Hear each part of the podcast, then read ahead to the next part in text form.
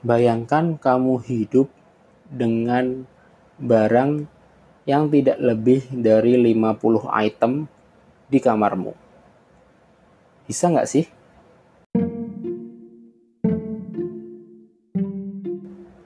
Halo, selamat datang di podcast Buka Buku, ngobrolin buku yang kamu baca setiap harinya. Bersama saya Hardian Cahya. Inilah halaman kedua Buka Buku jadi gini sih uh, di kamar saya itu entah kenapa selalu berantakan tanpa saya tahu penyebabnya apa.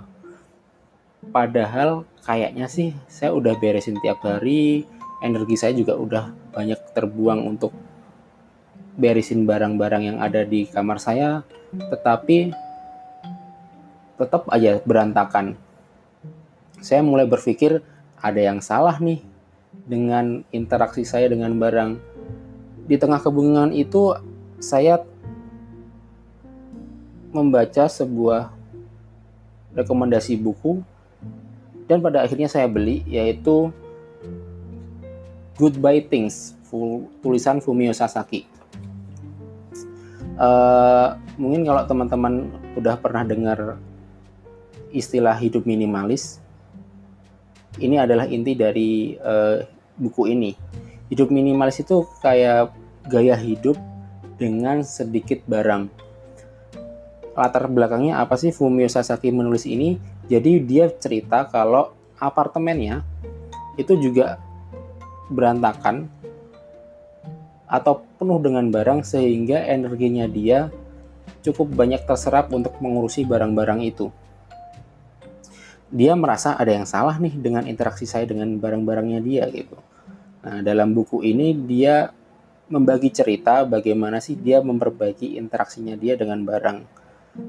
Jadi bukan sekedar membuang barang ya, tapi memperbaiki interaksi kita dengan barang. Ada beberapa poin sih yang enak di pikiran saya. Pertama adalah derajat kita sebagai manusia tidak tertempel pada barang.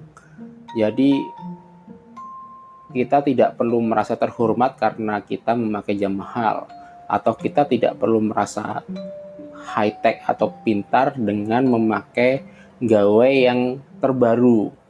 Nah, kita bisa menjadi diri kita sendiri, menjadi manusia seutuhnya walaupun tanpa barang-barang itu. Jadi barang-barang memang ditempatkan sebagai alat untuk menjalani kehidupan, bukan sebagai tujuan untuk uh, hidup ini untuk membeli barang-barang itu. Kedua adalah uh, jangan mengambil barang terlalu banyak atau rakus dalam mengambil barang ketika barang itu gratisan atau diskon atau mumpung-mumpung lainnya nih wah mumpung gratisan nih mumpung diskon nih ya udah deh saya beli atau saya ambil Padahal kita nggak perlu-perlu banget tuh barang. Yang pada akhirnya adalah barang itu akan menumpuk di rumah kita, di kamar kita. Jadi kalau memang ada pembagian barang secara gratis atau diskon, cukup ambil seperlunya atau tanyakan dulu kepada diri sendiri apakah saya memang benar-benar butuh barang itu. Ketiga, jangan menyimpan barang dengan alasan sentimental emosional. Contoh nih, kita numpuk baju dengan alasan ini kan baju ngedet pertama aku, ini kan baju pemberian si ini, ini kan baju pemberian si mantan itu. Walaupun kita tahu bahwa baju itu sekarang udah nggak muat di diri kita atau kita sebenarnya nggak suka banget baju itu kita nggak pernah pakai juga, tetapi kita tidak membuangnya atau tidak memberikannya ke orang lain dengan alasan ada uh, kenangan sentimental di barang itu. Nah, itu juga menjadi penyakit di dalam interaksi kita dengan barang. Akibatnya kita menumpuk barang yang tidak berguna di dalam rumah kita. Padahal barang itu mungkin bisa lebih berguna kalau dimiliki oleh orang lain. Jadi eh, lebih baik digunakan oleh orang lain. Yang keempat adalah apa yang bisa didigital, didigitalkan belilah secara digital mungkin saya sudah sangat jarang beli buku fisik semenjak saya uh, beli iPad. Semenjak saya beli iPad, saya membeli buku secara digital. Itu mengurangi banyak banget volume yang harus saya sediakan di dalam rumah saya untuk menyimpan buku itu. Saya cukup dengan satu iPad, saya bisa menyimpan sekian ratus buku tanpa saya kerepotan untuk mengaturnya. Bahkan saya bisa membawa ke mana pun tanpa terlalu berat. Nah, ada yang bilang nih, kan beda sensasinya, ada bau-bau kertas gimana gitu. Dulu sih saya juga penganut garis keras macam prinsip itu gitu ya.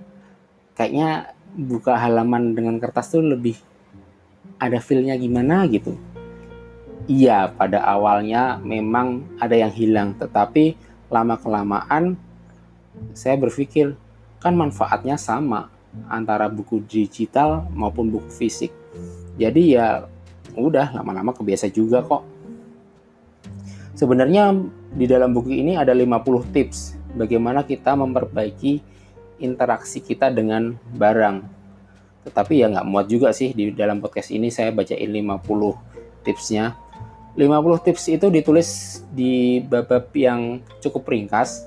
Teman-teman bisa baca seperlunya dulu dengan waktu yang ada. Maksudnya saya baca 50 uh, eh, sorry, saya baca 3 tips dulu atau 5 tips dulu malam ini, sisanya besok. Itu sangat mudah dan sangat enak untuk dibaca. Jadi tidak perlu tertekan atau tertuntut untuk segera menyelesaikan buku itu. Uh, efeknya apa sih ke diri saya sendiri? Saya berhasil mungkin mengurangi atau ya mengurangi hampir 50% atau lebih uh, barang yang ada di lemari saya. Saya sumbangkan ke orang lain atau saya berikan ke orang lain yang mungkin lebih membutuhkan barang itu dibanding saya saya juga bisa mengeluarkan barang-barang yang saya tetap saya simpan, nggak tahu kenapa, mungkin ada alasan emosional atau apa, tapi semenjak setelah baca buku ini saya memang sudah keluarkan barang-barang itu dari kamar saya, sehingga saya nggak perlu numpuk barang yang tidak berguna di dalam diri saya. Uh, buku ini juga sudah cukup populer sehingga teman-teman bisa dapatkan versi digitalnya di Play Store, uh, di Amazon ada atau di Gramedia online. Kalau teman-teman ingin buku fisiknya juga ada di toko-toko buku seperti Gramedia atau toko-toko buku terdekat lainnya lah. Harapannya setelah baca buku ini sih kita bisa menempatkan barang pada tempatnya dan menempatkan diri kita pada tempatnya dan memperbaiki interaksi kita dengan barang-barang yang ada di sekitar kita. Oke, sekian dulu halaman kedua dari podcast Buka Buku. Sampai jumpa di halaman-halaman berikutnya. Salam optimis untuk kita semua.